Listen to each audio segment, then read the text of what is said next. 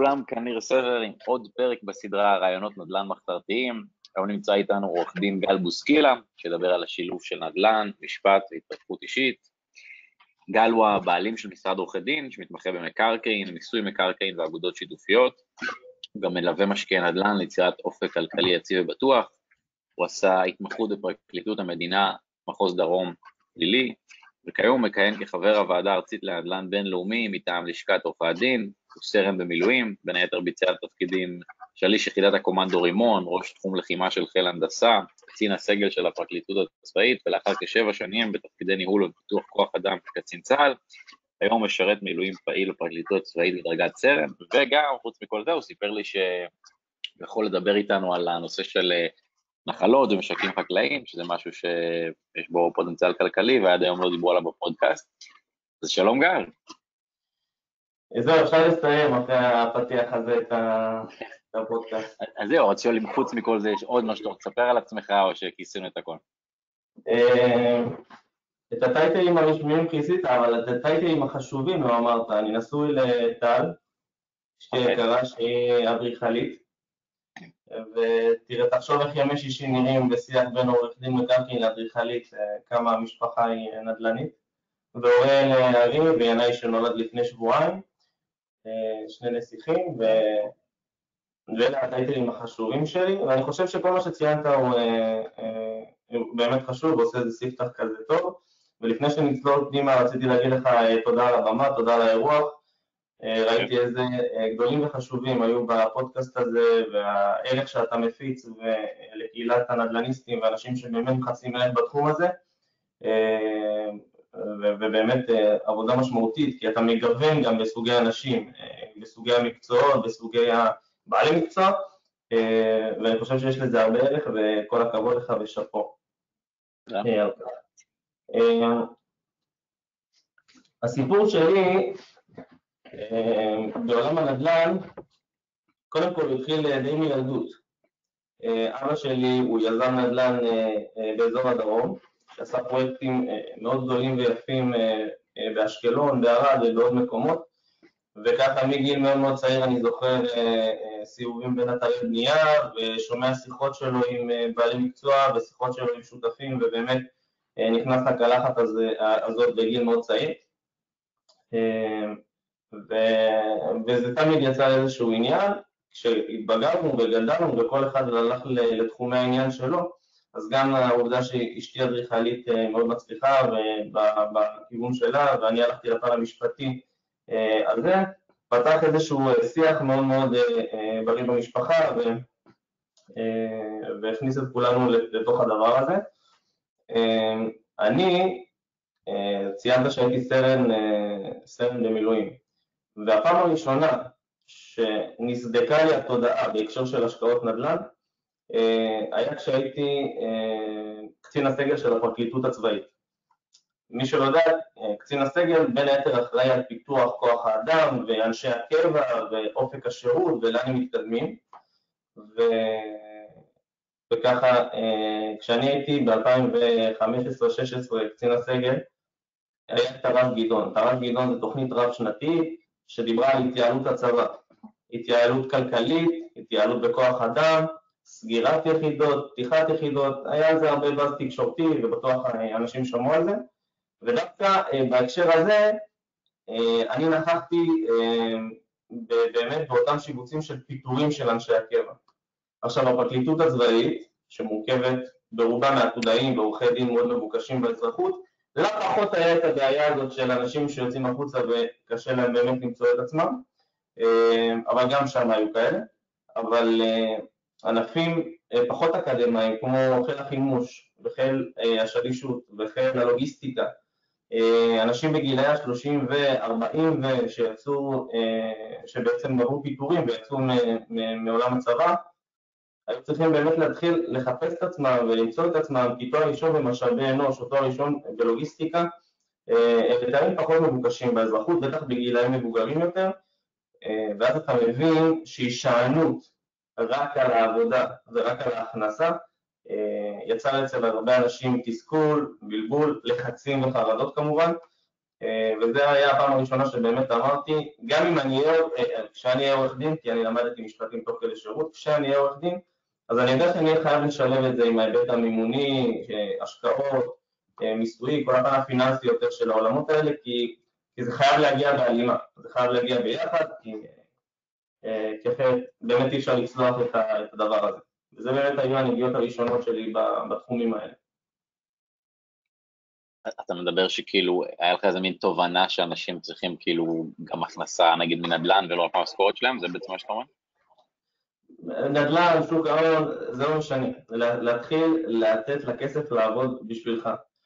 אה, כשאני הקמתי את המשרד שלי לפני כשנה וחצי, אה, הקמתי את המסלול של ליווי משקיעים שלנו.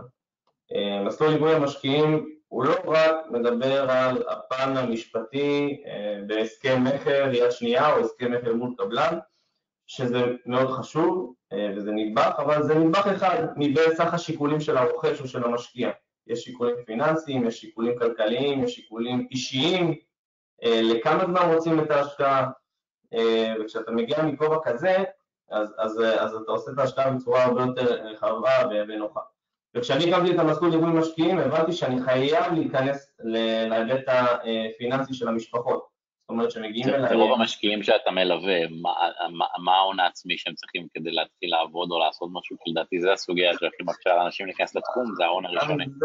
זו שאלה מצוינת, ואם תרשמו בגוגל רכישת נדל"ן ללא הון עצמי, נקבל עשרות פרסומות ומאמרים בנושא הזה, וזה אפשרי, אבל זה לא מומלץ. זה לא מומלץ לאנשים ש... הם לא אנשי נדל"ן, הם לא מבינים את העולמות האלה, הם לא מבינים את רזי המימון ואת הסיכונים ואת הסיכויים ואני חושב, בטח בשוק היום, אחרי עלייה של 13% במחירי הנדל"ן בשנה האחרונה, mm. שהון עצמי של 200-250 אלף שקלים זה הון שאיתו אפשר להתחיל באמת לעשות השקעות נדל"ן בארץ אחרת, אני אמליץ לאותם אנשים שאין להם רקע בתחומים האלה, תחסכו את הכספים, תגדילו הכנסה תשבו על האקסל המשפחתי, תראו איך אתם מגדילים את ההכנסה ומצמצמים הוצאות, יותר הגדלת הכנסה מאשר צמצום הוצאות בתפיסה שלי, ואיך אתם משקיעים כספים בקופות גמל להשקעה ודורשים מהמעסיקים קרנות השתלמות, ואז אותם אפשר גם למנף ולהגדיל את ההון העצמי, זאת אומרת לעשות פעולות כדי להגיע למדרגה הזאת של ה-200-250 אלף שקלים, משם... מי שיש לו 200 או 250, איפה הוא יכול להשקיע? כי כנראה שבתל אביב זה לא ילך. העיר תל אביב היא כנראה לא עיר באופן כללי להשקעה, למי שרוצה לעשות אה, תשואה אה, אה, משמעותית על הכסף שלו, על ההשקעה שלו, אלא אם כן הוא מאוד מאוד מאוד מאוד נזיל, אבל גם אז התשואה היא יחסית נמוכה בגלל המחירים המאוד מאוד גבוהים. היום הפריפריות הלא מרוחקות מדי, אני לא מדבר על מטולה או על ירוחם, שם כמובן שאפשר, אבל אם מצטמצמים יותר אה, לאזורים אה, אה, יותר קרובים, אז חיפה מהצפון, אשקלון מהדרום, קריית גת, קריית מלאכי קצת מהכיוונים האלה, אלה אזורים שחוו עליות מאוד מאוד משמעותיות, שדרות ונתיבות מאוד, ששם אפשר למצוא דירות סבירות וטובות במחירים כאלה של מיליון שקלים, וכשאני אומר מיליון שקלים אני מדבר על 250 אלף שקלים הון עצמי והיתרה משכנתה בדירה ראשונה אה, כמובן שיש דירה שנייה ושלישית וכולי, מדובר באחוז מימון אחר, אבל אלה האזורים והמקומות שאני הייתי אה, מתחיל איתם, ובאופן כללי בעולם ההשקעות הייתי מתחיל מדירת מגורים במדינת ישראל ולא שאר סוגי ההשקעות הקיימות היום בשוק. יש אבל אנשים שאומרים, רגע, אבל אם בשנה האחרונה הדירות עלו 13 אחוז, אולי כבר פספסתי את העליית ערך. אז אה, אנחנו לא מסתכלים על אה, שנה אחורה, אנחנו מסתכלים על 2-3 עשורים אחורה. בגדול אם אנחנו מסתכלים, הפיק המאוד מאוד משמעותי היה ב-2008, אחרי משבר הסאב פריים בארצות הברית, היה באמת אה, עלייה מאוד מאוד גדולה, ואם תשימו לב, הסייקלים של עליות המחירים מתבצעים כל שלוש שנים. כל שלוש שנים בערך יש איזושהי קפיצה ועצירה, האטה, קפיצה, עלייה, זה היה בשנה האחרונה, זה היה ב-2018, ב-2014, אפשר לראות את הנתונים האלה בכל מקום, ו... נדל"ן אני תמיד אומר זה ריצה לטווח רחוק, כאילו מי שעכשיו מתכנן אם אני אפסיד את האחוז שתיים בשנה הקרובה ופספסתי זה לא מעניין זה לא מעניין כי נדל"ן זה באמת אה, לטווח הרבה יותר משמעותי גם כשזוגות באים אליי והמטרה שלהם זה להתגלגל על הנכס ולמכור אותו אז אני אומר, צריך לבחון את זה לפחות לשלוש שנים קדימה, כדי שבאמת אין מעליית ערך משמעותית. אז, אז בעצם צריך לשים הון עצמי שאנחנו גם לא נצטרך למשוך אותו שנה הבאה, שלא נצטרך פתאום למכור לא בזמן הנכון, אלא נכון. לשים את ה-250 האלה ולדעת שאנחנו עכשיו לא נוגעים בהם לפחות שלוש שנים. נכון, קודם כל שנה וחצי לא מומלץ לגעת בגלל היבטי מיסוי. צריך להחזיק בדירת מגורים על שמך שנה וחצי כדי שתהיה פטור ממס שבח במכירה, בהינתן ו, אה, וזו דירתך היחידה.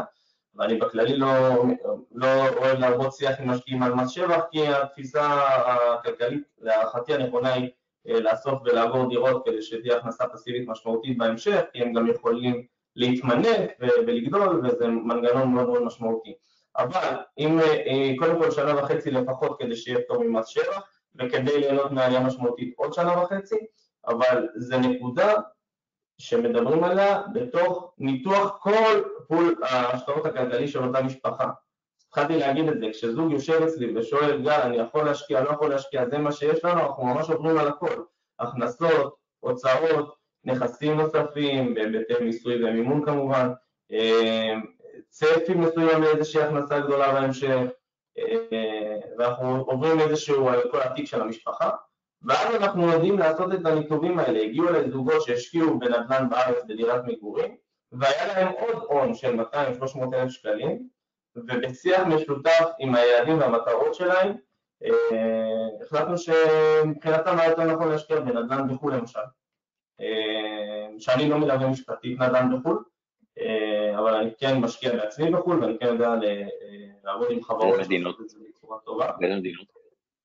מה זה? באיזה מדינות בחו"ל? אני אישית בארצות הברית ובאנגליה, נכון להיום. אבל בכללי התפיסה היא ארצות הברית ומערב אירופה שהן הכלכלות החזקות, אה, ששווה אה, מבחינת לישון טוב בלילה, יותר טוב לשים שם את הכסף. ומי שיש לו אוקיי. למשל הון עצמי של מיליון שקלים, מה היית ממליץ לו לעשות? אנחנו תמיד נפתח בדירת מגורים ראשונה במדינת ישראל, כדי ליהנות מפטור ממס רכישה, נכון לשמיעת הפודקאסט הזה 2022, הפטור הוא על מיליון שמונה מאות ומשהו. אם, אם לקחת מינוף גבוה, זאת אומרת לא להשקיע בדירה של מיליון וחצי, מיליון שקל, אלא לקחת באמת ה-25-30 אחוז ואת היתרה במשכנתה בגלל הריבית הנמוכה היום, והריבית עכשיו נמצאת בתקופה אה, של עלייה קטנה ומומלץ מאוד מאוד לכל אה, מי ששומע אותנו ונמצא באמצע השקעה או לקראת רכישה ומתלבט על הדבר הזה, זה הזמן, אני חושב שבשנה שנתיים הקרובות הכי טוב יהיה לקחת היום מימון, מינוף, לקדם משכנתאות, להוציא לביצוע בבנקים, לדבר עם היועצי משכנתאות שלכם, כי אחרי זה תהיה איזושהי עלייה. ולכן אני עדיין ממליץ לקחת את המינוף היחסית גבוה של 70% אה, כדי ליהנות מהריבית הזולה הקיימת עדיין במשק באופן יחסי. אז מי שיש לו מיליון שקל, אתה מציע לו לקנות דירה ב-4 מיליון שקל או 3? לא, לא, לא. לא. מי שיש לו מיליון שקל, אני בכללי, דירות להשקעה, אמליץ לא לעבור את רף המיליון 600, מיליון 800, אלא אם כן זה איזשהו דירה שלישית בפריסל מאוד משמעותי בבת ים על הים או דברים כאלה ששם זה יהיה 2 נקודה משהו ועדיין יהיה שווה להתאמץ כי עליית הערך תהיה גבוהה יותר. אבל אנחנו מדברים היום לקהל הרחב, לאנשים ש, אה, ש, שלא לא עוסקים בנדל"ן ביום יום שלהם בסל ההשקעות שלהם, בסל הביצים הזה אז אה, דירה ראשונה להשקעה בין מיליון 400 למיליון 800 תלוי באזור וכמובן באזורי ביקוש עם מבחינת האוכלוסייה במצב סוציו-אקונומי טוב, עם אה, צפי לעליית ערך, זאת אומרת מנתחים ממש את האזורים, אה, ובין היתר להשקיע גם באפיקים נוספים כמו אה, נדל"ן בחו"ל, ונדל"ן בחו"ל יכול להיות גם דירה על שמם בטאבו האמריקאי או בטאבו האנגלי וגם, או הספרדי, לא משנה, או רכישה בדרך קרן, שאתה יותר פסיבי, וצריך לראות באמת מי הקרן ואיך עושים את זה בצורה אמינה וטובה, אבל אה, זה גם איזשהו אה, סל ששמים 100-150 אלף דולר, שזה 300 ומשהו, 400 אלף שקל, וביתרה הייתי גם שם באפיקים נוספים כמו שוק ההון בצורת חיסכון פנסיוני או קופת גמל להשקעה, ואותה ממנף, זאת אומרת כן הגדל, אתה יכול לקחת הלוואה ואז להחזיר את זה לעולם הנדל"ן, ואז יש לך איזשהו מעגל שמזין את עצמו וגודל כל כמה שנים הוא אפילו יכול להכפיל את עצמו, אם השוק עובד לטובתך. כן, אבל אולי כאילו מבחינת, כאילו הגדרה, אתה יודע, שים איזה תקרת זכוכית על הסיכון, אז נגיד אולי כשאנחנו לוקחים משכנתה על דירה, כדאי לוודא שהסוחר יחזיר לנו את המשכנתה, שלא נהיה במינוס. אז אה, כחלק, ואני חוזר רגע למסלול ליווי משקיעים שלנו, כחלק באמת שאנחנו, אה, במסלול ליווי משקיעים אנחנו גם דואגים לאכלס את זה בסוחרים.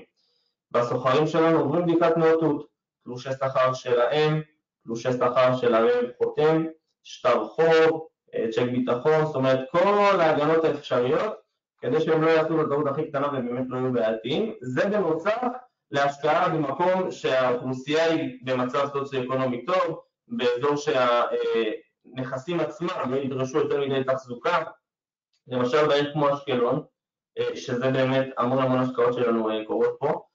זאת העיר הכי מטווחת בהיסטוריה של מדינת ישראל מבחינת טילים מעזה. יותר משדרות, יותר מעוטף עזה, אנחנו העיר שקיבלה הכי הרבה מט"חים מקום המדינה. והרבה משקיעים, ויש המון משקיעים מהמרכז בעיר אשקלון, שמעלים באמת את הסוגיה הזאת, ואחד מהקריטריונים שלנו לאיתור נכסים זה שיהיה בדירה ממ"ד, או לפחות מרחב מוגן קומתי, ממ"ק. ואז זה נותן איזושהי גם תחושה של ביטחון למשקיע, וגם זה מעלה את ערך הנכס, זאת אומרת, אתה לא תמצא בפחות ממיליון שקלים דירה עם ממ"ד באשקלון. אז גם ככה נכסים שהם קצת יותר יקרים ואיכותיים. וחשוב להגיד שההיסטוריה הוכיחה שגם כשיש סבבים, יש ביקוש בעוטף עזה לערים באזור שלנו, שזה סותר קצת את ההיגיון, אני יודע, אבל זו הסטטיסטיקה ואיתה קשה להתווכח. ולכן הסיפור הזה של סוחרים טובים וכולי, זה חלק מביפול שלם שחייב לקחת אותו בחשבון, בהחלט, כחלק ממזעור סיכונים ואיך אנחנו שומרים על המשקיע ועל הנכס שלו ועל ההתעסקות שלו גם, כמה ש... גם בצורה כמה שיותר מיטבית. כן, אמרת שיש עוד נושא שלא נגעו בו, שזה כל הנושא של משקים חקלאיים, נחלות, אתה רוצה לדבר על זה? כן. קודם כל העולם של משקים וחקלאים לעומת קרקעות חקלאיות זה עולם שאנשים קצת מתבלבלים בו, ואני רגע ארחיב את זה טיפה. קרקעות חקלאיות וכל השיווקים האלה שמדברים מחוץ לערים, עוד שנייה יש הפשרה וכולי, זה מבחינת המשווקים, לעניות דעתי, זה אחד זה דומה לאופציות בינאריות בשוק ההון, זאת אומרת, כמה, ש... כמה שבדבר הזה אין באמת אמונה. ותחשוב טוב, מי לרוב האנשים שהולכים לדבר הזה, מי שזה 100-120 אלף שקל האחרונים שלהם וזה כל עולמם, והם הכי מתעניינים בדברים האלה, כי אין כמעט היום גורם במדינה שיכול באמת להצביע על מועד הפשרה של קרקעות, ויכול להגיד שהדבר הזה באמת יניב מה שאנשים, מה שהמשווקים אומרים שהוא יניב. כן הייתי ממליץ להיכנס לדבר כזה במידה ויש לך כבר סתם השקעות מאוד מאוד רחב ואין לך בעיה להשכיב 100-150 אלף שקלים על משהו שאולי הילדים או הנינים שלך, הנכדים שלך ייהנו מזה, זה בסדר, אבל לא כסף ראשון, לא כסף שני ולא כסף שלישי, כי באמת אתה יכול לראות קש מזה ברוב המקרים. לעומת זאת, יש את עולם המשקים החקלאיים. משק חקלאי במדינת ישראל נהיה מוצר מבוקש מאוד מאוד מאוד ונדיר מאוד מאוד מאוד. זאת אומרת, אנשים מחפשים היום משקים, ומה שקורה בעולם צמודי הקרקע, ואתה בטח, כמי שחי את עולם הנדל"ן מרגיש את זה מאוד בשנה האחרונה, מה שקורה בעולם צמודי הקרקע, קורה ביתר שאת במשקים חקלאיים. למה? משק חקלאי מורכב לא רק מבית מגורים וקרקע. במשק חקלאי אפשר לעיתים לבנות שני בתי מגורים ועוד בית קטן לדור המשך. אפשר לעשות פעילות לא חקלאית, שזה נקרא פלח, פעילות לא חקלאית, שזה אומר או צימרים או משרדים או זה משהו שמבקשים אישור לגביו. וכמובן יש עשרות דונמים של חקלאי שאפשר לבנות עליהם, ויש אופציה לעשות שדה סולארי וליהנות מהכנסה פסיבית. זאת אומרת, יש המון המון המון אפשרויות כלכליות בעולם הזה של משקים חקלאיים. שכמובן משמשים למגורים ויש שם תב"ע למגורים ולא מדובר בקרקע חקלאית אלא בשילוב של מגורים וחקלאי באותה מסגרת אחת שנקרא נחלה סלש משק חקלאי. היום, וזה ככה בכמה שנים האחרונות, מי שקונה נחלה חקלאית במדינת ישראל עושה עסקה שמי שמכר לו לא נהנה מאותן זכויות כמו שיהיו לו. למה? רשות מקרקעי ישראל מחייבת בעלי משקים, כשהם מוכרים את הנחלה, לשלם מס שנקרא דמי רכישה, דמי היוון. המס הזה הוא שליש מחלקת המגורים. בעצם באה המדינה ואומרת, אתם בשנות ה-50 וה-60 קיבלתם בשקל וחצי קרקע שהיום שווה מיליונים, ומשקים חקלאיים, בוא נגיד מאשקלון צפונה, נע ב-7, 8, 9, 10 מיליון והלאה למשק. ואז המדינה אומרת, קיבלתם בשקל וחצי, והיום אתם עושים איזשהו סיבוב מאוד גדול, ואנחנו רוצים להצטרף לסיבוב הזה, ולכן יש מס שנקרא דמי רכישה, לעיתים הוא יכול לעבור גם את המיליון שקלים, רק המס הזה, בלי קשר למס השבח של הרווח שהיה וכולי. בכללי, בעסקת מכר של נחלה חקלאית, המיסים מגיעים בין 45 ל-55 אחוז מהמכירה, המיסים של המוכר. זאת אומרת, הוא מוכר נחלה ב-10 מיליון שקלים, 5 מיליון שקלים למדינה בכל מיני אה, זוויות, למיסוי מקרקעין במס שבח, היטל השבחה לרשות המקומית, דמי רכישה ודמי הסכמה לרשות מקרקעי ישראל, זאת אומרת המוכר בגרשיים אוכל אותה וזה לא כלכלי, ומצד שני הרוכש מקבל נחלה מהוונת. מה זה אומר שהנחלה מהוונת? זה אומר שאם המוכר עד היום היה בזכות קניינית שנקראת ברשות, זה אומר שיש לו יכולת להחזיק ולהשתמש בלי זכות קניינית חזקה, הרוכש הוא חוכר, יש לו הסכם חכירה אה, עם המינהל, זאת אומרת שהוא יכול לעשות בגדול הרבה יותר דברים והוא מוציא את המינהל מהתמונה ולא צריך אישור על כל דבר והזכויות שלו הקנייניות הרבה יותר חזקות וזה באמת הגשמת חלום של בעלי משקים שלא היה להם את זה עד היום. ולכן הסיפור הזה של מי שרוכש היום משק חקלאי הוא הרבה יותר אה, כלכלי וכדאי וכמובן שזה גם מאוד מאוד יקר וזה כמובן, אני שם את זה רגע בצד אה, ומי שמוכר, לרוב אנחנו ממליצים לא למכור, אה, להוריש, לסדר את זה, לפצל מגרש מתוך הנחלה ולחלק לילדים, יש כל מיני אפשרויות, לא נרחיב את זה כדי לא לבלבל, אבל ככלל לא, לא מומלץ אה, למוכר למכור צד ג' בגלל המיסים המאוד מאוד מאוד מאוד גבוהים ונחלה חקלאית שונה מאוד מכל הנוף הקיים היום בעולם המקרקעין והנדל"ן. בנוסף, נחלה חקלאית. זאת שזה סוג של מציאה, גם כי יש מעט וגם זה מאוד נדיר שמי שיש לו איזשהו חוק, אז אם כבר מצאת, זאת אומרת שזה מציאה לקונה. מי שיצליח אה, אה, אה, ליצור הון עצמי, רכישת משק חקלאי, ובאמת רוצה לחיות את העולם של המושבים והשקט והרפתות וכולי, וכל מה שזה מביא איתו, אז, אז באמת עושה בגדול עסקה, עסקת חייו, עסקה מאוד מאוד משמעותית. מה גם שאתה יכול בתוך הנחלה לבנות לא רק בית מגורים אחד, להוציא היתר לעוד שניים, זאת אומרת, אתה יכול גם להביא את הילדים איתך, יש הרבה. מבחינה כלכלית, אם אתה לא רוצה לגור שם, מבחינה כלכלית, ה-10 מיליון האלה יהפכו ל-15, ל-20, איך, מתי, מבחינה כלכלית? ההסכם עם האגודות השיתופיות היום, שבעל נחלה חקלאית מחויב להתגורר בה.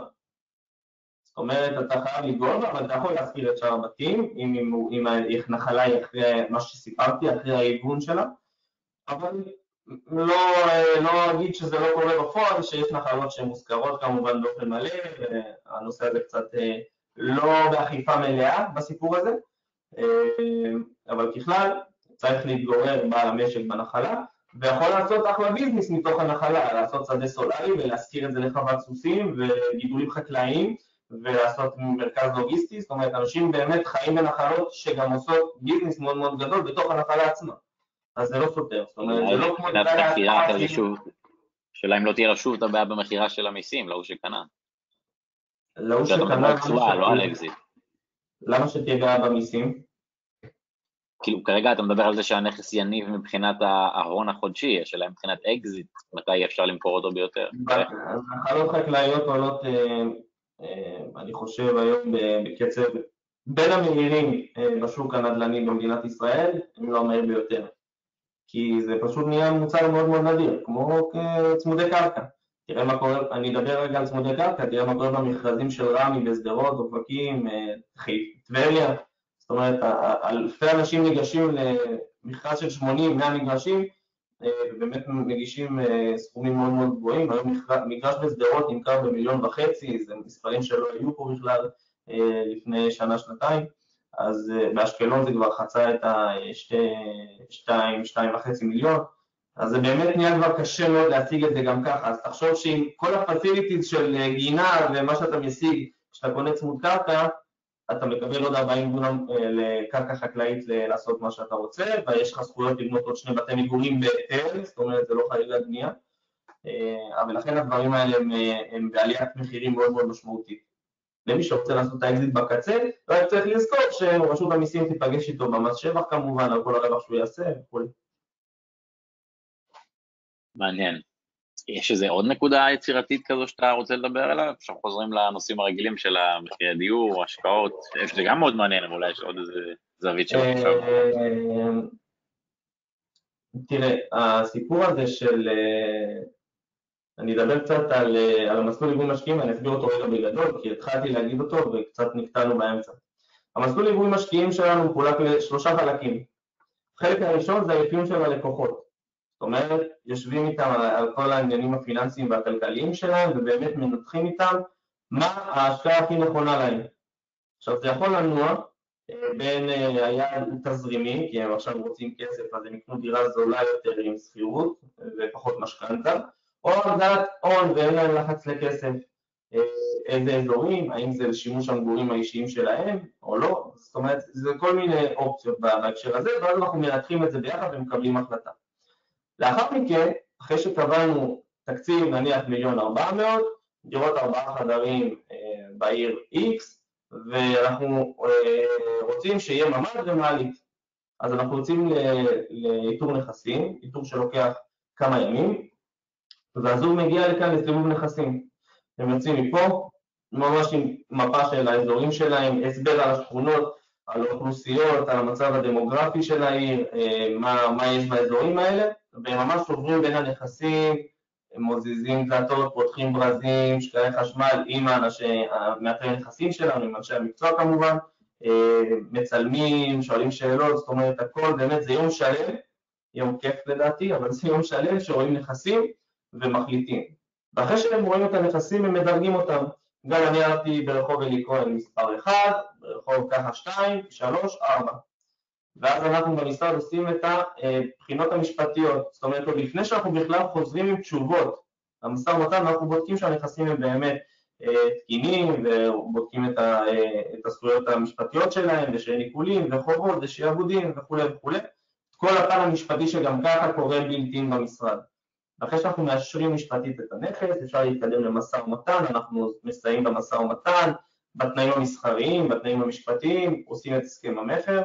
כמובן כל הפן המשפטי של דיווח לרשויות המס, העיריות השונות אה, אה, והעברת הזכויות, ובקצה אנחנו גם מאתרים את הסוחרים ועושים להם את הבדיקת נאותות, זאת אומרת זה מסלול מא' עד ת', לדעתי אני עורך הדין היחידי אה, בארץ, אולי יש עוד כמה שעושים ליווי משקיעים מלא מלא, למרות שאני לא שמעתי, כן יש מלווה משקיעים בערים שונות שהם לא עורכי דין ומאנשים מאוד מאוד מקצועיים ואיכותיים אה, אבל יש משהו שעורך דין מלווה אה, אה, משקיעים ומנהל את האופרציה, זאת אומרת גם על היועץ משכנתאות וגם על המאתר נכסים ובודק את אנשי המקצוע ונותן להם איזה שהם גבולות גזרה, כשזה קורה אז המשקיע הוא מאוד מאוד רגוע ומרגיש מאוד מאוד טוב להיכנס לכל הדבר הזה.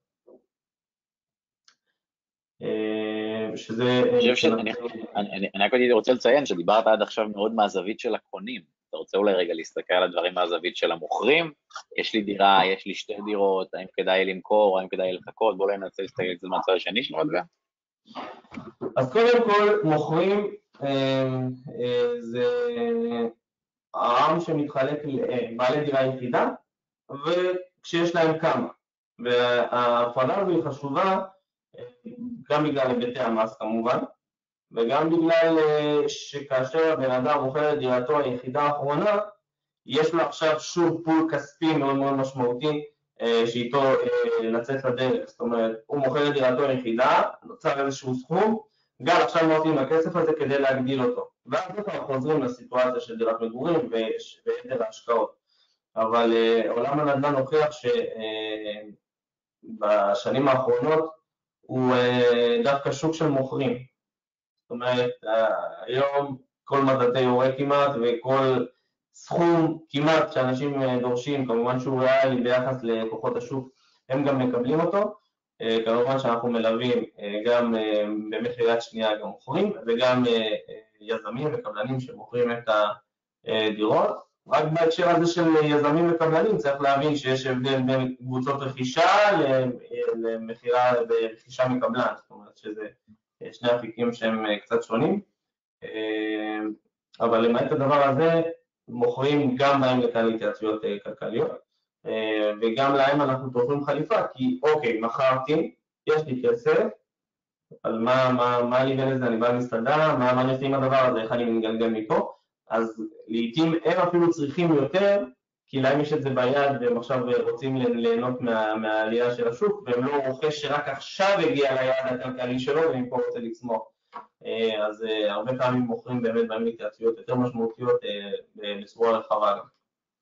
אז בואו רגע נחשוב, נגיד זוג בראשון לציון, בני 40, 45, עם שני ילדים, יש להם דירה של מיליון וחצי שהם גרו בה, ועכשיו סיימו לשלם את המשכנתה.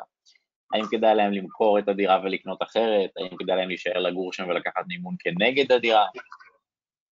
כל עוד בדירה אין משכנתה, בריבית הקיימת, קודם כל זה עוול, זה פשע כלכלי. כי אם אין לך משכנתה על הדירה, או שתמנף אותה ותשקיע את הכסף, כי אם אתה תקבל משכנתה של 3% או 4%, לא משנה מה תקבל מהבנק, ואיתו תעשה 7, 8, 10 אחוז באפיקים מסוימים גם, בנדל"ן פה, לא, לא משנה מה. הדלתא הזאת של ה-6 אחוז זה מנגנון העושר, עם זה אנשים גדלים וצומחים ובאמת אה, מתפתחים ככה. ולכן אם לזוג יש אה, דירה ללא משכנתא אז כמובן למנף אותה, אלא כן הוא רוצה למכור. הרבה פעמים זוגות מהמרכז אה, שהגיעו לסיטואציה הזאת, לרוב באמצעות ירושה, לרוב הם ירשו דירה, אה, ולא, אה, או שהם עובדים בעבודות מאוד מאוד משמעותיות, כמו הייטק, או שעובדים המון המון שנים בכוחות הביטחון וכולי, והצליחו להגיע לזה, אז הרבה פעמים הם רוצים לשדרג את אה, רמת החיים שלהם ולעבור לדירה יותר טובה ויותר יפה וכולי. אני הרבה פעמים בשיחות כאלה מסביר, רגע, בוא נעשה רגע איזונים, מה הכסף הזה יעשה בעולם ההשקעות, לעומת אם אנחנו עכשיו נקנה דירה מאוד מאוד יקרה והכסף הזה יעבוד פחות, חוץ מעליית הערך של הדירה כמובן. לפעמים מחליטים אחרת ולפעמים ממשיכים בחלומות שלהם כי עולם הנדל"ן הוא לא רק אקסלים והוא לא רק מספרים, הוא הרבה רגשות והרבה פסיכולוגיה והרבה פעמים אה, שאיפות משפחתיות והחלום של האבא של הילדים שלו היא תהיה גינה כי הוא 40 שנה לא חי ככה.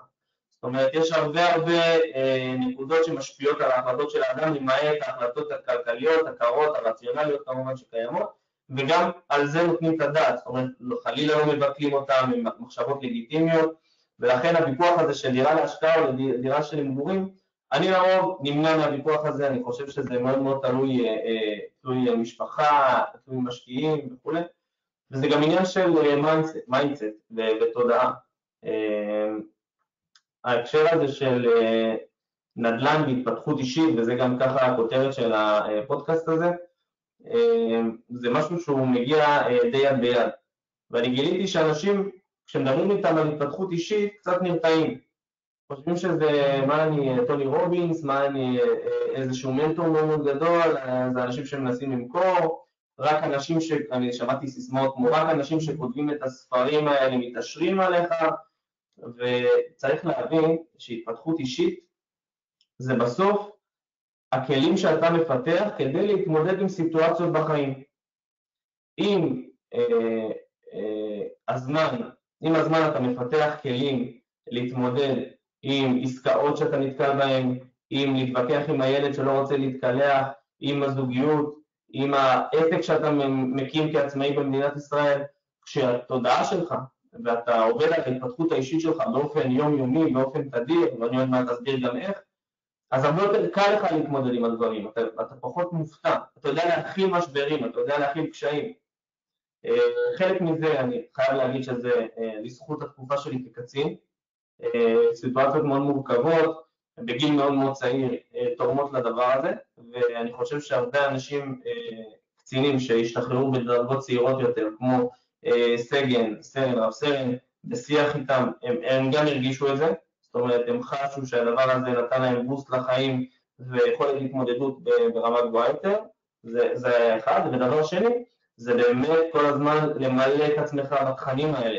זה הפודקאסטים, והפודקאסט הזה למשל, וזה ספרים ש, שחשוב לקרוא, וכנסים ששווה ללכת אליהם, ולי ולאשתי אה, טל, יש לנו באמת אה, אה, מנהג שאנחנו טסים שנתיים שלוש לחו"ל, ואנשים הסתכלו על זה בצורה של אה, הם טסים, הם ממלאים, הם נהנים וכולי, וזה נכון וזה בסדר, אבל הרבה מהדבר הזה זה כדי להתנתק. זה כדי שהטלפון אה, לא יצלצל כל הזמן, זה כדי שאנחנו נוכל לעבוד רגע על עצמנו, שנוכל לדבר על יעדים ומטרות ושאיפות והשקעות ואיפה אנחנו רואים את עצמנו, והרבה צעדים שעשינו בחיים, וגם הקמת העסק הזה, בין היתר נולדו כשאנחנו דיברנו בצפון איטליה על איזה אגם או בבית קפה בפריז, כי הרגשנו ששמה, כשאתה רואה דברים עם שפע ואתה רואה דברים עם עוצמה, אז אתה מתמלא בדברים האלה, ואתה נכנס למוטיבציית פעולה, ואתה מבין שזה קיים בעולם, רק צריך לדעת להגיע לדברים האלה. אה, עוד מונח שאנחנו אוהבים לדבר עליו זה לחגוג הצלחות, להגיע לאיזה שהם יעדים ובאמת ליהנות מהדברים ולא רק להסתכל על איך אנחנו משקיעים כל שקל אה, אה, בסל ההשקעות שלנו, ואני חושב שהשילוב של הדברים האלה עם עבודה יומיומית על הדברים האלה בשילוב של השקעות נדל"ן נכונות, מובילים אנשים להישגים מאוד מאוד משמעותיים. במדינת ישראל יש הרבה פחד מההשקעה של הדירה הראשונה. ההורים דוחפים אותנו לקנות דירה, אה, התקשורת דוחפת אותנו לקנות דירה, מחיר למשתכן, מחיר מטרה, דירה בהנחה, כל הזמן לוחצים על לקנות דירה במדינת ישראל.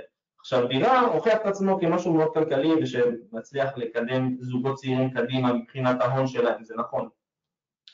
אבל ארה"ב שהיא כלכלה כנראה הכי חזקה בעולם, אה, זה שוק של סוחרים ולא חייב להיות בעלי דירות אה, כדי להצליח להיות בעלי דירות, הכוונה למגורים, כמובן דירות להשקעה זה מאוד מאוד אה, מומלץ. והשילוב הזה של הפחד הראשון של לקנות דירה להשקעה והקפיצה הזאת למים, זה בעצמו סודק מאוד את התודעה ומפתח אותך ברמה האישית.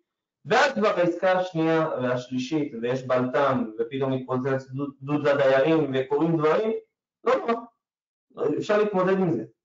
אבל כשאתה מדבר בפעם הראשונה עם זוג, הפחד והחששות והלחצים הוא הרבה יותר גדול. בארץ, בטח כשאתה מדבר על נדל"ן בחו"ל, ששם זה כבר קטסטרופה אחרת בתפיסה. מעניין מאוד. אז רציתי להגיד שני דברים. אחד, אני כן רוצה לתת איזשהו highlight על נקודה שאמרת, להדגיש אותה. אמרת בעצם שמי שגר בדירה ואין לו משכנתה, בין אם הוא סיים לשלם לו משכנתה או בין אם הוא ירש, אתה אומר שזה בעצם טעות כלכלית, כי המשכנתה היא כלי שעובד לטובתנו, והם בעצם לא משתמשים בכלי הזה. אם יש להם דירה שהיא שלהם, אז הם בעצם מפספסים את הדבר הכלכלי הזה, אני מבין נכון? נכון, כי כשלזוג יש דירה בבעלותו, אה, שלא עושה בעצם כלום, רק חוץ מעליית הערך, שזה משהו משמעותי, אבל זה לא, אה, זה לא המנגנון המשמעותי שיכול לעבוד.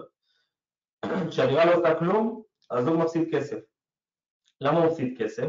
כי אם אני יודע למנף מתוך הדירה 500 אלף שקלים ולשים אותה על עוד דירה, או על אה, חיסכון פנסיוני, או על נדל"ן בחו"ל, או על קריפטו, לא משנה, על, על כל סוג של השקעה שאני יודע שיכולה להניב לי כסף, אז השלושה ארבעה אחוז ריבית שאני משלם לבנק, לעומת האחוזים היותר גבוהים שאני עושה בהשקעה הזאת, זה הדלתא שאנשים מפסידים כל יום שהם לא מממשים. כאילו יש מיליון וחצי שקל בתוך הקירות שלא עובדים, זה בעצם מה שאתה אומר. נכון. עכשיו, בתקופת הקורונה, היום אפשר למנף עד 50% מערך דירה. רק רציתי להגיד משפט אחד שכן חשוב להדגיש אותו, כי הם אומרים, אולי הדירה מיליון וחצי שלי מוזכרת, אה, היא מניבה לי, היא מוזכרת. אתה אומר, אבל 4,000 שקל בחודש זה לא הענווה, זה הכסף של עובד, מתבלבלים. זה 4,000 שקל, זה, סבבה, זה השוטף, זה ה-30 ו-40 אלף שקל בשנה, אחלה. אבל אנשים אצלי שקנו דירות, ואני מדבר עכשיו על למנף את הדירה הקיימת לטובת אה, השקעה אחרת, אנשים שקנו דירות לפני שמונה או עשרה חודשים בשכונה מסוימת באשקלון, עשו 200-300 אלף שקלים רק על עשרה חודשים האחרונים, כי הם הצליחו להשיג הון לעוד עסקה. אז עכשיו ה-40-50 אלף שקל מהשכירות, אחלה, בסדר, זה השוטף ש... שאתם נהנים ממנו, אבל הכסף הגדול בנדל"ן זה עליות הערך, וכדי להיות ב pool הזה של עליות הערך, אתה חייב להשיג עוד הון כדי להשקיע אותו. מאיפה ההון הזה יגיע? אתה ממנף את הקיים שלך ומגלגל אותו, המונח הזה של refinance, של אה, מינוף מחדש שיש בעולם הנדל"ן, זה עולם, זה, זה אין אח ורע לו בכל עולם ההשקעות האחר. יש איזושהי בדיחה ש... בן אדם הלך לבנק דיסקונט, ביקש ממנו הלוואה כדי להשקיע במניה של בנק דיסקונט, לא נתנו לו הלוואה של 500 אלף שקלים, אבל לקנות דירה כן נתנו לו. זאת אומרת, הסיפור הזה של להשקיע בנדל"ן דרך מינופים, זה רק בעולם הנדל"ן קיים, ולכן שווה לנצל את זה אה, לצמיחה. עכשיו, זו צמיחה מאוד מאוד מהירה, זה במקום לחסוך עכשיו שקל לשקל 20 שנה כדי להגיע למיליון שקל, גם אז לא בטוח, אז אתה עושה כמה פעולות כאלה, ובשש, שבע, שמונה שנים אתה עושה את המיליון שקל האלה, זה מקצר טווח משמעותי, זה משפר חיים משמעותית. עכשיו כסף, אנחנו מדברים הרבה על השקעות בנדל"ן, כסף הוא לא המטרה, אנחנו לא, המטרה שלנו לא להיות יותר אה, אה, עשירים בעובר ושאר, המטרה שלנו שיהיה לנו כסף לצורך, לצורך חינוך יותר טוב לילדים שלנו, לצורך לעבוד מתי שאנחנו רוצים ולא חייבים, אה, לצורך שיהיה לנו פנאי להשקיע בתחביבים שלנו, זאת אומרת, כל דבר שאתה רוצה לעשות, כשיש לך כסף, אתה עושה את זה בצורה הרבה יותר מאוזנת ומקבל את ההחלטות בצורה יותר נכונה. אז שווה, ואני עכשיו מדבר לגילאים הצעירים יותר, להתאמץ עכשיו, לנצל את זה שאתם צעירים, לנצל את משך הזמן, את המנגנונים האלה, כדי לעשות היום דברים שאני בעוד 6, 7, 10 שנים פירות, שאתם אה, תודו על כל יום שלא בזבזתם הדבר הזה. ולכן זוג שאין לו אה, משכנתה על הנכס, דחוף למנף אותו, פשע כלכלי אם לא. ומי שיש לו סתם בשביל הדוגמה עשר דירות בלי משכנתה, את כולם למנף? לא. מה היעד שלו? אם יש לו עשר דירות כנראה הוא לא בן עשרים, כנראה זה בן אדם שעבר משהו בחיים שלו, וכנראה הוא רוצה את התזרים הזה כדי שהוא יוכל לטוס לחו"ל כל חודש. מה, מה היעד? דיברתי על זה. יש הרבה הרבה משמעות למטרה שלנו. זאת אומרת, נגיד עשר דירות קטנות ששוות, אה, לא יודע מה, בקריות, ששוות כל העשר ביחד חמש מיליון. הוא רוצה להגדיל את ההון שלו מחמש לעשר מיליון, אז צריך למנף אותם? כדאי שהוא ימנף אה, חלק נכבד מהם כדי להגיע לעשר מיליון, כן. כדאי. אז אתה בעצם אומר שמשכנתה ומינוף זה כלי כלכלי שעוזר לנו, ומי שלא משתמש בו בעצם מפסיד כסף שהוא היה יכול להרוויח. בתקופת הריבית הקיימת היום.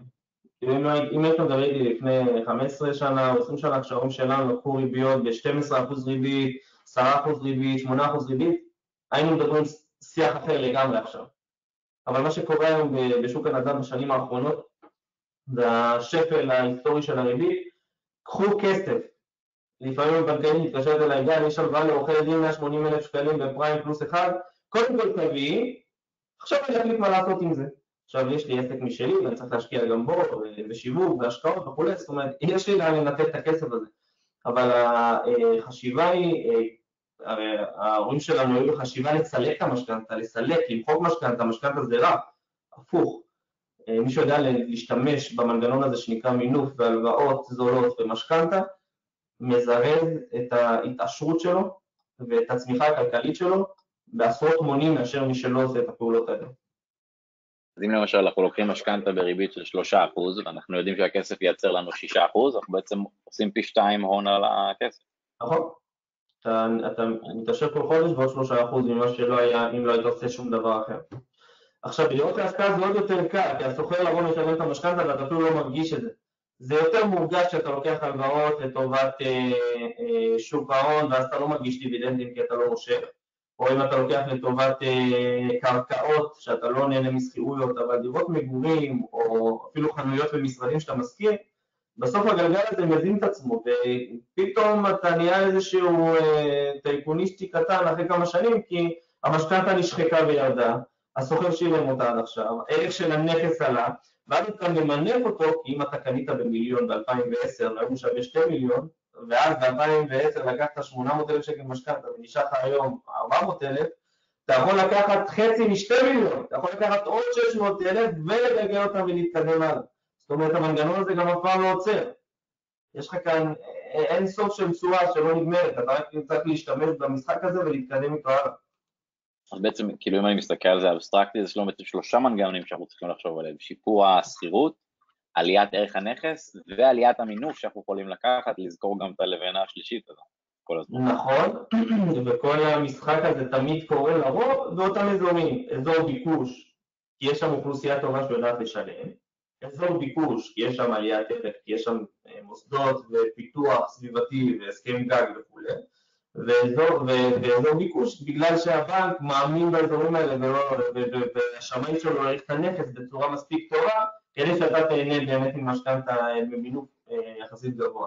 הרבה פעמים שהולכים לדירות ברמה נמוכה יותר ואתה קנית אותם במחיר שוק או קצת גבוה ממחיר שוק, כי אמרנו שזה שוק היום של מוכרים שקובעים מחיר ואנשים נצמדים אליו לרוב ומי שלא חי את עולם הנדל"ן קשה לו למצוא מציאות אז הרבה פעמים הבנק מעריך את זה בחסר, הבנק לא מעריך את מה שסגרו בהסכם, סגרנו על מיליון 200 והשמאי של הבנק מעריך את הנכס הזה במיליון כי הוא רואה עסקאות דומות באזור על מיליון שקל אז אתה צריך להביא את העוד הון עצמי הזה. ולכן אתה תמיד, גם בהקשר של מינופים ושל בנקים, להגיע לאזורי הביקוש עם השילוב של האוכלוסייה הטובה שמשלמת שכירות טובה, של עליית הערך ושל בנק שמאמין באזור ונותן לך גם מינוף כמו שאתה תכננת ורצית. יש משפט שאומר את הכסף עושים בקנייה, אני חושב שהמשפט הזה נכון? אמ, כן, המשפט הזה אה, די נכון, כי מי שהרבה פעמים, כמי שמשקיע ומי שמלווה משקיעים, הרבה פעמים אנחנו רואים שעסקה שנחתמה למחרת השמחה וזה, זה כי עכשיו אנחנו יודעים שהדירה הזאת נותנים לה לעבוד, יש לה סוחרים טובים, אנשים מאוד מאוד רגועים בהקשר הזה. עכשיו אנחנו לא מבינים, ויכול להיות שעולם הנדל"ן אה, מתישהו אה, אין צפי לדבר הזה בשנים הקרובות בגלל כל מיני סיבות למה לא תהיה ירידת ערך, כתבתי על זה ודיברתי על זה רבות, אבל אין איזשהו צפי בשנים הקרובות לירידת ערך, ולהערכתי לפחות ולמיטב המומחים גם, ואז אנשים ניגשים לדבר הזה שנקרא נדל"ן בצורה מאוד מאוד סולידית, אין איזשהו פחדים מאוד גדולים, זאת אומרת, זו השקעה שנחשבת בעלת סיכון נמוך, ואנשים יחסית ישנים בשקט בלילה כשהם עושים אותה.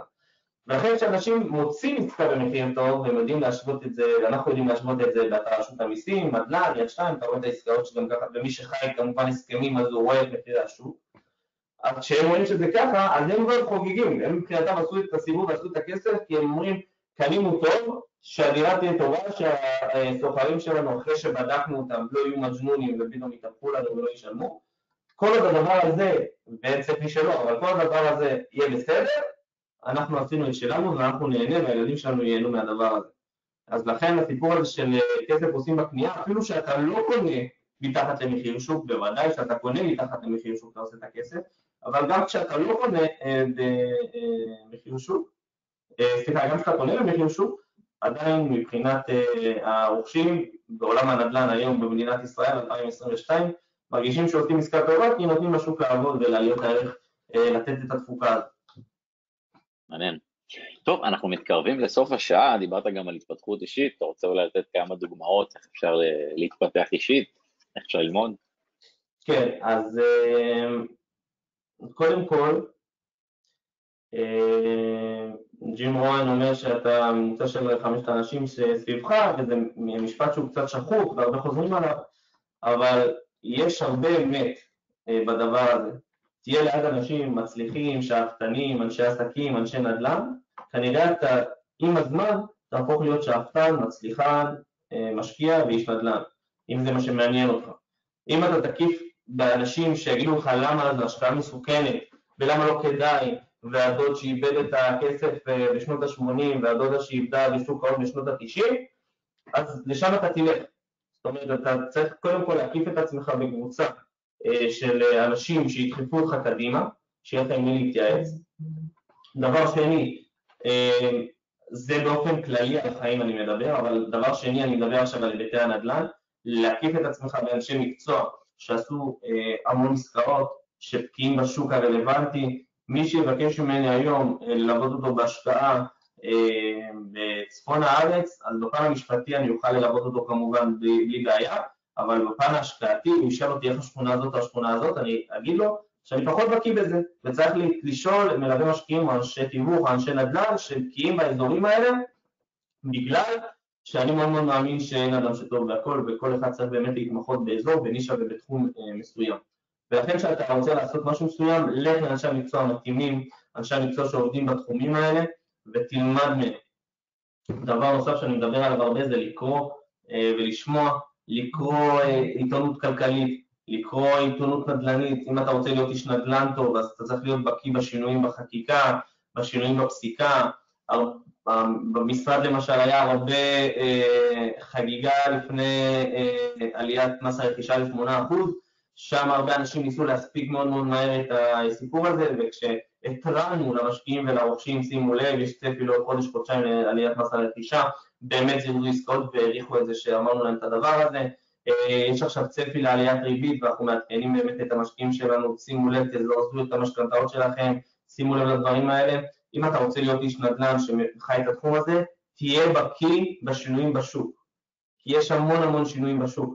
גם אה, לא דיברנו על התחדשות עירונית, אני לא ארחיב על זה יותר מדי, אבל גם בהיבט של חלופת שקד שמדברים עליה בתקשורת, שהיא תחליף את ההיבט הזה של תמ"א 38, כן יתאים, לא יתאים, לעקוב אחרי הדברים האלה זה מאוד מאוד משמעותי ליזמים, לקבלנים, למשקיעים, לרוכשים, שאתה אה, תעבוד איתם, אה, ועכשיו בצורה רחבה יותר, לשמוע פודקאסטים, לקרוא ספרים, ללכת לכנסים של, של מנטורים בכל מיני תחומים, וברמה היומיומית. זאת אומרת, הרבה פעמים אנחנו נעזוב את הדבר הזה ולא נשקיע בדבר הזה, והשוטף ישטוף אותנו, והילדים פתאום יעשו לנו כאב ראש, ונבין עם בת הזוג, או, או עם השכנים, או בעבודה, או עם העובדים, או עם המעסיק, לא משנה מה. הרבה פעמים זה יקרה לנו בשוטף, ואם אנחנו לא נמלא את המצברים שלנו בתכנים ובידע, אז זה, אז זה יתנדף מעצמו, וכל מה שבנית זה כמו שריר, ככל שתפתח אותו הוא יגדל, ככל שתזניח אותו הוא באמת יקטן ויהיה יותר קשה אחרי זה לשחזר את הדבר הזה. אה, ולכן אה, אלה המלצותיי אה, לכל מי שמאזין לנו בהקשר הזה, כי רק ככה באמת בשילוב של התפתחות אישית ועולם הנדל"ן, השילוב של שני הדברים האלה, זה life changer וזה משנה חיים, ואנשים באמת עשו דברים מאוד מאוד משמעותיים בחיים שלהם כשהם נצמדו לדברים האלה לאורך טווח. אולי לתת דוגמה לאיזה מנטור או איזה ציטוט שעזר לך? אה, גרם קרדון מדבר הרבה על אה, רעה חולה שיש לאנשים אה, שנותנים להם העלאות שכר. מה הכוונה? הרבה פעמים אנשים בעבודה שלהם או המעסיקים שלהם נותנים להם תוספת וכשהבן אדם יודע שהוא הולך לקבל תוספת לפעמים כשהוא מקבל את התוספת, לפעמים עוד לפני, הוא מעלה את אה, רמת החיים שלו. הוא קונה רכב חדש, הם פתאום טסים יותר לחו"ל, הוא מוכר את הבית וקונה בית יותר גדול, זאת אומרת, הסיפור הזה של, אה, הוא קורא לזה סטייברו, זאת אומרת, לא, אנשים לא נותנים לגדילה אה, להצמיח אותם כלכלית, אלא הם מקבלים איזושהי תוספת ואז נצמדים לדבר הזה, ומה שיוצר זה שאנשים לא מתקדמים כלכלית, הם מעלים את רמת החיים שלהם, אבל הם לא משפרים את איכות החיים שלהם. זאת אומרת, ברמת החיים אנחנו קונים דברים יותר יקרים ונהנים מאורח חיים יותר, בלייפסטייל יותר יקר כנראה, או מרשים לעצמנו יותר, אבל בפועל ההתחייבויות שלנו גדלות איתנו. בספר אבא השירה ואני מדברים הרבה על התחייבויות מול נכסים. אז ההתחייבויות שלנו גדלות איתנו, ואז אה, יש לך יותר התחייבויות לשלם, ואז אתה פחות אה, אה, יכול להשקיע כספים בהשקעות, ואז אתה פחות צומח כלכלית, זה איזשהו מעגל כזה שמזין את עצמו, ולכן ההמלצה שלי, ובהמשך לציטוט שאמרתי, אם אתם צופים איזושהי הגדלה בהכנסה, אם אתם צופים איזושהי העלאת משכורת, אם אתם צופים איזושהי גדילה, תעצרו רגע, תנשמו עמוק, אתם יכולים לפנק את עצמכם במשהו, אה, קראתי לזה לחגוג הצלחות, תהנו מזה, בסדר. אבל לא עכשיו לשבור כלים ולהגיד, אה, זהו, אני עכשיו משנה את האורח חיים שלי, כי אני מרוויח עכשיו עוד עשרת אלפים שקל בחודש. לא. הרעיון הוא לקחת את העשרת אלפים שקל הנוספים האלה ולתת למנגנון הזה לצמוח, וכשהכסף הזה יעבוד, והכסף הזה יגדל ויגדל, איתו תמשיך את האורח חיים שלך איתו, אתה תהנה, איתו אתה תטייל, איתו תעשה תחביבים, איתו תיתן חינוך יותר טוב לילדים שלך. אבל מי שעושה את התהליך ההפוך, לוקח את הכסף מראש ומטיל אותו על התחייבויות, מאוד מאוד קשה אחרי זה להיכנס לעולם ההשקעות, מאוד מאוד קשה אחרי זה לגדול ולצמוח, התודעה שלך מאוד מצומצמת, אתה חי חיים מצומצמים, אה, הרבה פעמים בכלכלת המשפחה מדברים על, על לספור את השקלים, ולראות איך אנחנו בסופר מצמצמים, ואני לא אוהב את השיח הזה. אני אוהב את השיח המצמצם, אני חושב שאנחנו צריכים לדבר על שיח מגדיל, על שיח של uh, תודעת שפע, וה, וזה יכול להגיע רק אם באמת נדע להתנהל כלכלית, גם בבית, גם כשאנחנו מקבלים תוספות מסוימות, בצורה נכונה, בצורה שתגדיל אותנו, שתגדיל את, את תיק ההשקעות שלנו, שתיתן לכסף שלנו לעבוד יותר. זה איזשהו uh, uh, משהו שאני אם אני כאילו מוריד את זה אם אני מוריד את זה לפרקטיקה, אתה אומר בן אדם שהיה עושה 20 אלף שקל בחודש וחי מהם, עכשיו העלו לו ל-30, אז הוא חי במקום מ-20 מ-30, בשני המקרים הוא סיים את החודש על 0, כך או כך, אם במקום זה הוא ממשיך לקרות על 20, ה-10 האלה בחודש אקסטרה היו נהיים 120 בשנה, 240 בשנתיים, מ-240 הוא כבר יכול להגיע אליך, היה לו דירה להשקעה, הערך שלה עולה, היה לה שכירות, המינוף היה עולה, עוד חמש שנים הוא כבר עם 2-3 דירות, וכל זה על העוד 10,000 שקל, שהוא היה ממשיך לקרות מ-20 ולא 30. אפשר לסגור את השידור. סיכמת את זה הכי טוב שיש. הסיפור הזה של, גם אתה יודע מה? שלא יצא כל העשר, שיהנה מעוד אלפיים שקל מסעדות בחודש, בסדר, אני בעד שאנשים ייהנו מהחיים שלהם, אני ממש ממש בעד, אבל צריך לעשות איזה שהם איזונים. בא אליי זוג שמרוויחים מאוד מאוד יפה, אבל אף פעם לא דיברו על כלכלת המשפחה, ופתאום הבינו שהם אה, לא ממקסמים את ההכנסות שלהם. ואז עשיתי להם איזושהי עוגה, ואז אמרתי, אתם מהיום מדברים באחוזים. כי הבעל עצמאי והיא בהייטק, וכל חודש פתאום משתנה להם המשכורת בצורה חיובית, אבל משתנה לא קבוע. ואז אמרתי, אתם תמיד מחלקים את זה באחוזים. 40 אחוז אתם מנדבים להשקעות, 40 אחוז לשוטף, לבית וכולי, 30 אחוז לפינוקים אישיים, לפיתוח הזוגיות וליהנות עם הילדים. ולא משנה כמה אתם מכניסים. וכשהם נצמדים לעוגה הזאת, פתאום הם הרגישו שפתאום הפול של ההשקעות שלהם צומח באופן מאוד מאוד משמעותי. ולכן ההמלצה הזאת לעשות את זה בכל משפחה, בכללי האקסל של הכנסות והוצאות ובאמת לשלוט באופן, אה, באופן כללי, לא על השקל כי זה מאוד קשה, באופן כללי לשלוט על ההכנסות והוצאות ועל המרווח שלנו ותמיד לשמור על המרווח הזה בגדילה. תיארת את זה יפה לאורך שנים, זה משנה, זה משנה חיים לאורך השנים. לגמרי. יפה. יפה. טוב, אז אנחנו uh, לקראת סיכום, אתה רוצה להגיד למי אתה ממליץ לפנות אליך, מה לעשות? כן, אז קודם כל המשרד שלנו, אה, אתם יכולים לרשום גם עורך דין גל בוסקילה בגוגל, יש אתר שמאוד מפרט וכתבה בכלכליסט והרבה ערך וידע שאנחנו נותנים שם אה, כמובן בחינם, אבל אה, המשרד שלנו עוסק בעיקר בעולם המקרקעין הרחב שלו, ייצוג יזמים, ייצוג רוכשים, יד שנייה, יד ראשונה, נחלות חקלאיות שדיברתי על זה, עולם המיסוי מקרקעין, ובכל עולמות התוכן של הנדל"ן בצורה רחבה.